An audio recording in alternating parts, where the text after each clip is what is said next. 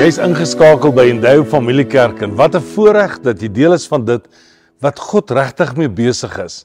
Ons is hier by Endeavour baie opgewonde oor dit wat ons sien gebeur. Veral ons mense wat terugkom kerk toe. Ons het belewennisse op Sondag wat getuig van dat God besig is met 'n nuwe golf van sy groot heerlikheid. Ek praat vandag met jou oor twee skrifgedeeltes wat regtig vir my baie naby aan die hart staan. Ons het almal al 'n droom gehad of ons praat van ons skip wat moet inkom. Of daardie vakansie wat ons begeer of daardie een werksposisie wat ek graag wil instap. En ons het hierdie begeertes, hierdie drome, hierdie ideale, hierdie ambisie waarvolgens ons leef. En is reg so. Maar dan kom Paulus in 2 Korintiërs 5 vers 9 en hy sê ek het net een begeerte. En toe ek dit raak lees, toe sê ek vir myself, wat is hierdie een begeerte wat Paulus sou uitskryf? Sou dit wees dalk om op 'n lekker vakansie te gaan of sou dit dalk wees oor oor hierdie aftree pakket wat hy enig sou hê? Paulus skryf en hy sê ek het een begeerte. En dit is om die wil van my Vader te doen. Ek praat met jou oor om oor te gee, to surrender. En daar's 'n groot verskil om te praat van oorgee of om te praat van ek gee op. Ek praat nie met jou oor opgee nie, want ek sê altyd opgee is nie 'n opsie vir al vir 'n kind van God. Daarom as ek met jou praat oor om oor te gee, dan maak dit onmiddellik goed in my gees wakker. Toe Timoteus 1:7 sê, God het jou en vir my nie 'n gees van vreesagtigheid gegee nie, maar van liefde, vrede en selfbeheersing.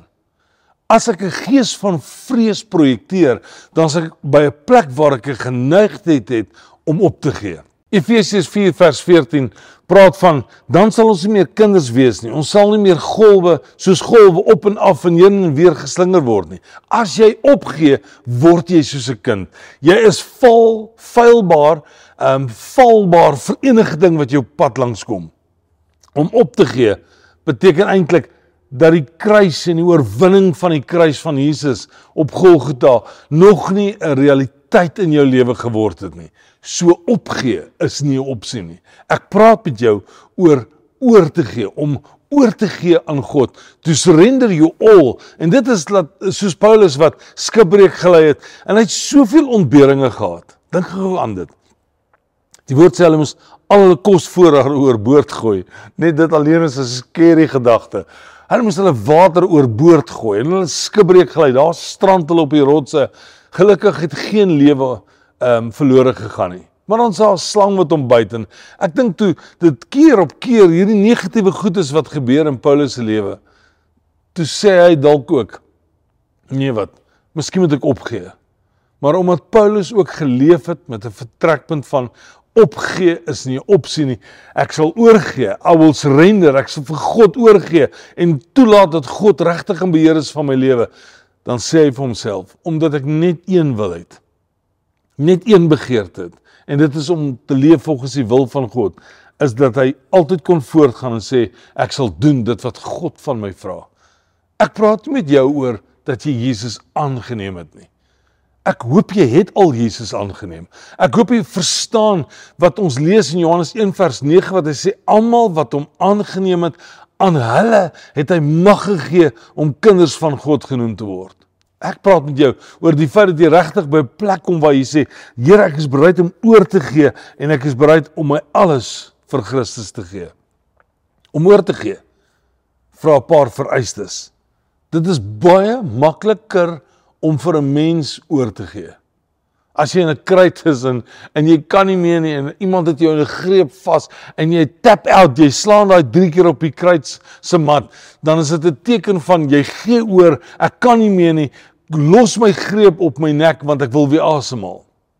Om oor te gee vir God is daar 'n paar ander dinge wat inskop.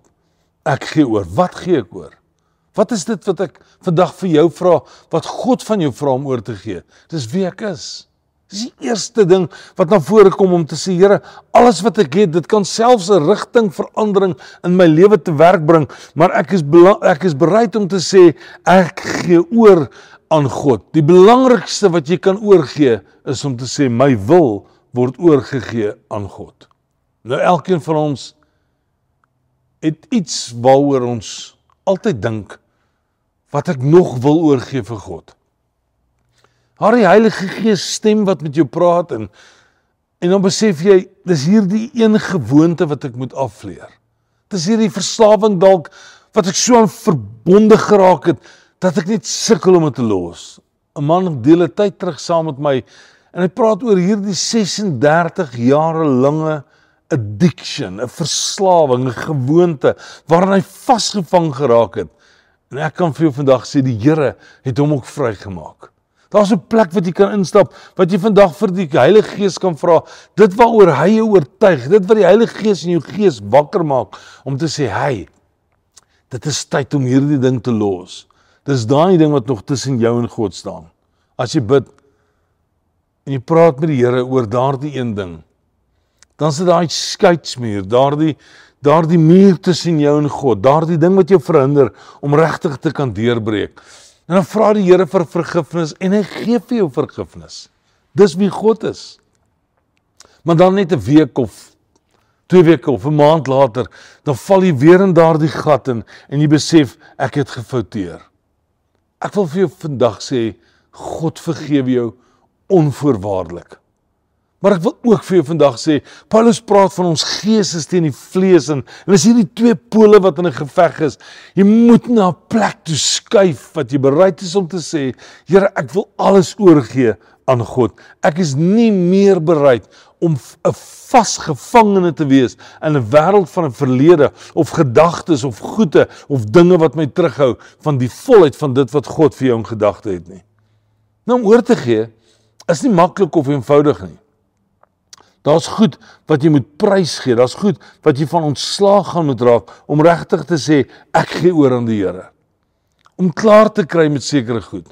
Goed wat jy weet, dit hou jou weg van God af. Dit bring 'n sekere skuldgevoel oor jou of 'n selfveroordeling wat jy net vandag sê, Here, ek kry klaar daarmee. En ek kom na 'n plek wat ek sê ek verstaan iets wat dit beteken van om in totaliteit oor te gee aan God in 'n volheid te lewe wat ek sê, dis nie meer my wil wat geld nie, maar dit is die wil van God. Jesus in sy laaste ure kyk ons altyd na die laaste avondmaal, die laaste ete wat Jesus gehad het saam met sy disippels. Dis so 'n mooi prentjie wat geskets word dat dit lyk na hierdie Ethiopië waarin jy jouself sou wou bevind om ook daar saam met Jesus aan 'n tafel te kon sit. Maar as jy regtig verstaan wat in die onmiddellike verse daarna gebeur, dan sal jy verstaan hierdie was eintlik 'n baie diep plek van pyn vir Jesus gewees. En ek tel die storie met jou op in die Engelse vertaling Luke 22 verse 39 it says Jesus went out as usual to the Mount of Olives and his disciples followed him. Verse 40. On reaching the place he said to them, "Pray that you will not fall into temptation." Nou net daar wil ek vir jou sê, dit is so belangrik dat jy elke dag sal bid en die Here sal vertrou dat jy sal wegkom van die gladde plekke wat jy laat val. Dat jy die Here sal aangryp en sal sê Here, hou my weg van die van die versoekinge van die vyand. Dit is hoekom Jesus ons leer en, en bid en sê, lei my nie in versoeking nie. Lei my nie in versoeking nie, want dit is die plek wat jou wegvat van God af. En dan gaan Jesus verder. He withdrew about a stone's throw beyond them, knelt down and he prayed, Father, if you are willing, take this cup from me, yet not my will, but yours be done.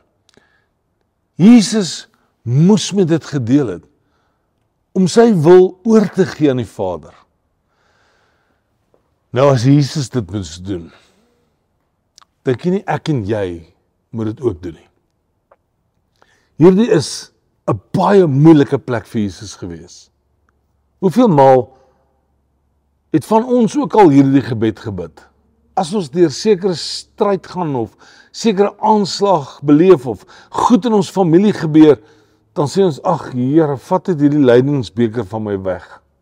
Maar Jesus se uiteinde van sy woorde was nogtans nie my wil nie, maar laat U wil geskied. Ek wil vandag na die plek toe roep wat jy vandag saam met Jesus sal uitroep en sê Die lydingsbeker is partykeer oorweldigend en is vir ons moeilik om deur dit te gaan en ek weet baie mense het al deur verskriklike uitdagings gegaan. Maar as in daai plek wat jy moet kan bid en sê nogtans nie my wil nie Here, maar laat U wil geskied. Wanneer laas was dit die laaste maal wat jy gebid het?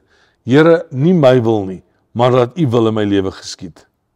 Vir 'n generaal beteken dit opgee, oorgee prys gee, sy gesag weggee, sy sy sy magsposisie wat hy van ontslaa raak. Maar wanneer 'n kind van God oorgee, 'n disipel, 'n navolger van Jesus oorgee, dan is dit 'n plek van absolute oorwinning. As ek nog nie myself ten volle oorgegee het aan God nie, beteken dit ek kan nooit word en wees wat God vir my in gedagte gehad het nie. Kom ek sê dit so vir jou.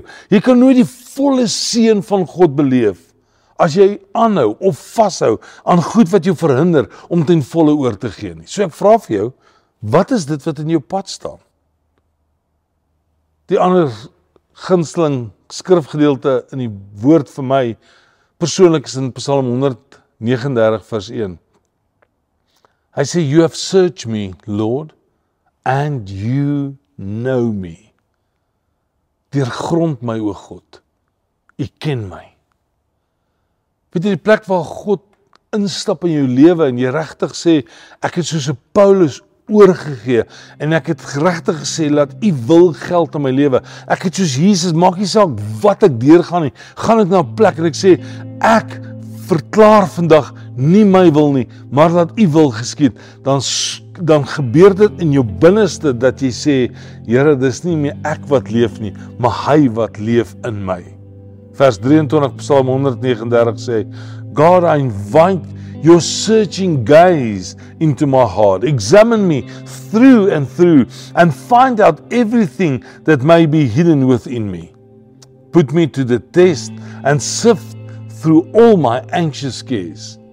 See if there's any path of pain I'm walking on, and lead me back to your glorious, your everlasting way. En luister wat sê dan, the path that brings me back to you. Maar ek wil vir jou vra, hardloop terug op jou pad om by God uit te kom en sê Here, nie my wil nie, maar laat U wil geskied. Ek verstaan wat dit is om te sê ek het een begeerte en dit is om te sê die wil van God in my lewe as God in beheer is van jou lewe, beteken dit hy is in beheer van alles. Hy is nie net in beheer van sekere areas van jou lewe nie. God is in beheer van alles in jou lewe. Dan vra ek jou vandag, wat sal gebeur met jou gebedslewe? Wat sal gebeur met jou prioriteite? Hoe sal dit lyk as God in beheer is en jy het vaderskap of 'n moederskap rol wat jy uitoefen en jy sê God is in beheer, dan verstaan jy iets van die roeping van God op jou vaderskap of moederskap. Hoe sal jou sirkel van invloed lyk? As God in beheer is, wat gaan gebeur met jou tydsbestuur? As God in beheer is, hoe sal jy gee? Wat sal jy gee? Waarvan sal jy gee om te kan verklaar, "Maar God is regtig deel van my lewe." As God in beheer is van my lewe, dan het ek 'n empatie, simpatie, deernis met 'n wêreld rondom my van mense wat nog nie Jesus aangeneem het nie. Dan verstaan ek iets van ek het die wil van God ontdek vir my lewe, maar as mense rondom my wat verlore gaan omdat hulle nog nie besef het hulle leef nog onder hulle eie wil, hulle eie manier van dinge doen en hulle het nog nie by God uitgekom nie. Ek en jy sal anders te leef. So dis die een kant as ons sê ons gee ons alles. Kan jy dink As ek en jy bid en ons sê vir God, Vader, ek gaan my alles vir U gee. Ek gee oor. Ek dink kan spring God uit sy troon uit en hy sê, "Yes, die dood van Jesus was nie verniet nie." Net om 'n paar oomblikke later agter te kom, o, hy het my net 1% gegee van sy volle wese. Ons sê mos baie, ek vat eerder 100% van een persoon as wat ek 1% vat van 100 persone. Ek dink God voel ook so. Luister, God wil nie hê wat jy besit nie. Dis nie wat God soek in jou nie. God soek na jou hart. Hy sê as jy my soek met jou hele hart, siel, gees en verstand, dis die eerste gebod. Dit gaan oor daai totale oorgawe wat ek aan God gee. God kan enige tyd enige iets wat aan jou en my behoort vat, soos met Job. Die real issue is, het God jou lewe? Kan jy regtig vandag hier sit en sê, Here, ek het my lewe oorgegee aan God? Of is daar goed wat jou vashou? Is daar iets wat jy vandag van moet ontslaa raak of jy dan vas soos 'n rottweiler wat nie 'n stuk lap wil los nie? Omdat jy dink is lekker of omdat jy dink is goed vir jou. Wat moet jy oorgee wat jou nog weghou van Jesus af? As God my alles vra, dan dink party mense dat dit impliseer of dit kan impliseer dat ek my seun of my dogter moet gee. God wil nie jou aandag kry deur pyn nie. God soek jou aandag omdat hy sê ek is liefde, ek is goed vir jou, ek gee om vir jou. En dis wat God wil raak sien. Wat God wil sien in jou lewe wat jy moet raak sien en moet agterkom. God stel regtig belang in jou lewe, want wanneer ek sy wil begin te uitleef in my lewe, dan sal dit altyd met my goed gaan. Ek het oorgegee aan God omdat ek verstaan dat wanneer hy in beheer is van my lewe, dan sal dit met my goed gaan. So beteken oorgee dra geen siekte en geen pyn en geen hartseer en geen seer in die lewe sal wees nie. Verseker beteken dit dit nie. Stellig nie. Verseker nie. Daar gaan nog steeds uitdagings wees in die lewe. Maar as jy geankerd is in God en hierdie goed in jou lewe gebeur, hierdie aanslae en hierdie vyandige goed en die vyand wil van jou vat en steel en verwoes, dan is ons geanker in God en ons sê Here, maar ek onthou, ek is nie besig met my wil nie, maar ek is besig met die wil van God in my lewe. As ons vandag vra, is jy bereid om oor te gee? Dan sal ons dalk almal vandag sê, ja, ek is bereid om oor te gee. Maar as ek vir jou sê daar's 'n prys aan verbonde, dan kap ons dalk ons hakkies 'n bietjie en ons sê nee, wag, dis net te veel gevra. So wat sal dit vra van jou om vandag te sê, ek gee alles oor. Ek gaan oorgee daardie inhibisies, daardie goed wat my vashou, daardie dinge wat my pla, daai sonde wat ek dalk koester. Wat is dit wat jy vandag moet gee vir God? Dalk is dit 'n verbond wat jy moet maak met jou oë. Dalk is dit 'n besluit wat jy moet maak oor nuwe paaie wat jy gaan volg. Dalk is dit regtig ook om te besef daar is nou maar net vriende wat jou wegvat, aftrek, wegvat van die Here af. 'n Volle lewe in Christus is 'n lewe van van 'n lewe van oorvloed. 'n Volle lewe in Christus is 'n lewe wat getuig van 'n ewige lewe. En ek roep jou vandag dat jy sal sê Here, ek sal veranderings in my lewe bring. Miskien 'n selfoon platform verlaat, miskien iets op my foon delete, permanent daarvan wegkom. Vandag vir jouself sê, ek gaan 'n nuwe rigting aanwysers in my lewe instel om seker te maak ek kom uit by die wil van God om oor te gee in totaliteit. As jy Jesus nie het in jou lewe nie, dan gaan jy verlore. My vriend, dan is daar nie vir jou ewige lewe nie. As jy jou laaste asem moet uitblaas en jy het nie ja gesê vir Jesus nie, dan mis jy hom in totaliteit. Wat maak die meeste saak? Die meeste wat saak maak is dat jy vandag moet uit kan roep en sê al wat my begeerte in die lewe is, is om die wil van my Vader te doen. Kom weg van daai plek af wat jy weet jy gaan hartval. En skuif vandag kom by 'n plek uit wat jy sê ek het 'n begeerte om in alles my lewe oor te gee aan God. Kan ek saam met jou bid? Here, dankie dat ons weet 'n lewe van oorgawe is 'n nuwe lewe in U. Dis die volheid van die lewe. Vergewe ons vandag as ons vashou aan goed wat ons wegvat van U af en bring ons by 'n plek waar ons saam met Paulus kan uitroep en sê ek het net een begeerte en dis om die wil van my Vader te doen. Daarom bid ek vandag dat ons oorgawe aan U in 'n volheid sal wees in 'n manier van dinge doen wat ons dalk nog nooit in die verlede so aangepak het nie. En dat ons vandag sal sê ek gee U my alles. Ek dank U daarvoor in Jesus naam. Amen.